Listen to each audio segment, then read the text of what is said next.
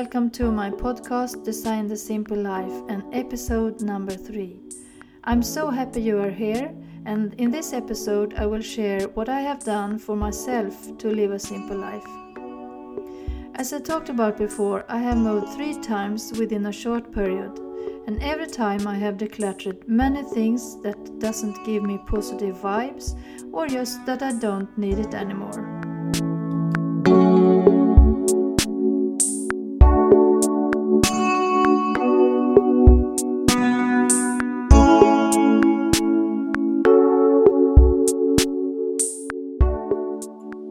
Name is Ylva. My mission is to coach into a simple home and lifestyle. My profession is feng shui expert, stylist, simplify coach, and lifestyle photographer. I have also a couple of design and art education in my luggage and a bunch of life experiences.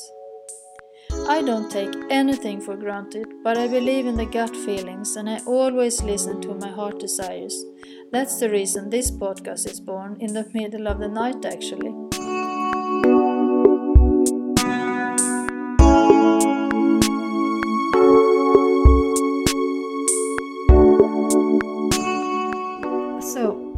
Lived in the countryside in the south of Sweden for nearly 20 years, but now I have my own flat in a little town, which is far smaller than the house.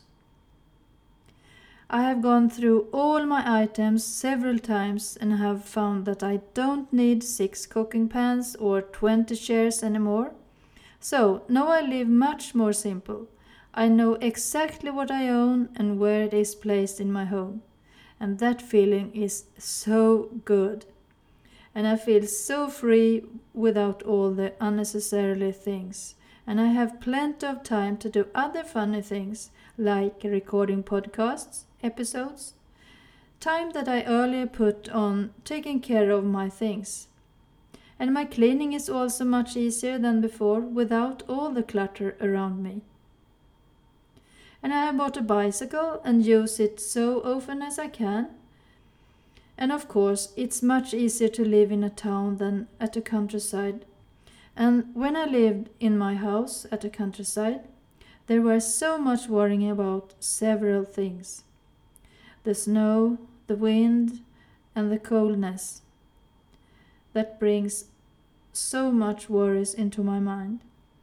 And sometimes in the winter time, we couldn't open the front door because of all the snow. And the wind that catches the roof and tiles fall into the ground, that cause rain to come into the house.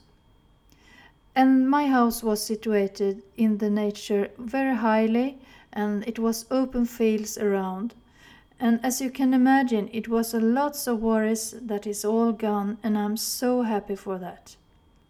I thought all the time that I shouldn't get satisfied in a flat. But the truth is that I have a beautiful flat and I also have a terrace I can use for my big hobbies, plants. And I really love sitting in there in the summer evenings with the candle lights and listen to the waves from the sea nearby. So, what I would like to say about all this is it's not dangerous to make changes in your life and instead it's very refreshing and fun. You will get to know new people, meet new friends, find new beautiful places you haven't seen before. It's also nice to go to a new grocery store and buy the food. What I did when I decluttered my home and life was to look at all the part of my life and all my items in my home area and try to make a new thinking. I just need 10 pair of socks or 3 tablecloths or 1 hairbrush. That's enough for me. That has opened up my mind for life again, and I can say this podcast has never been started if I haven't decluttered first. So, therefore, it's so important to do the decluttering phase. It will open up so much happiness into your life.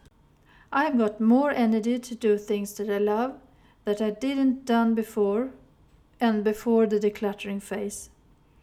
This could be paint the furniture, sewing, replant my flowers, and so on. So this change was the best for my life, and I know you can do that too, if you're ready for it and if you want to. Maybe you have a feeling of being stuck, and then decluttering will be your best friend and the first move into a healthier life.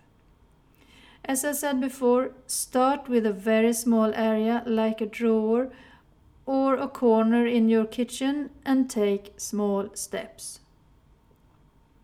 I hope I can give you inspiration to start your own healthy lifestyle.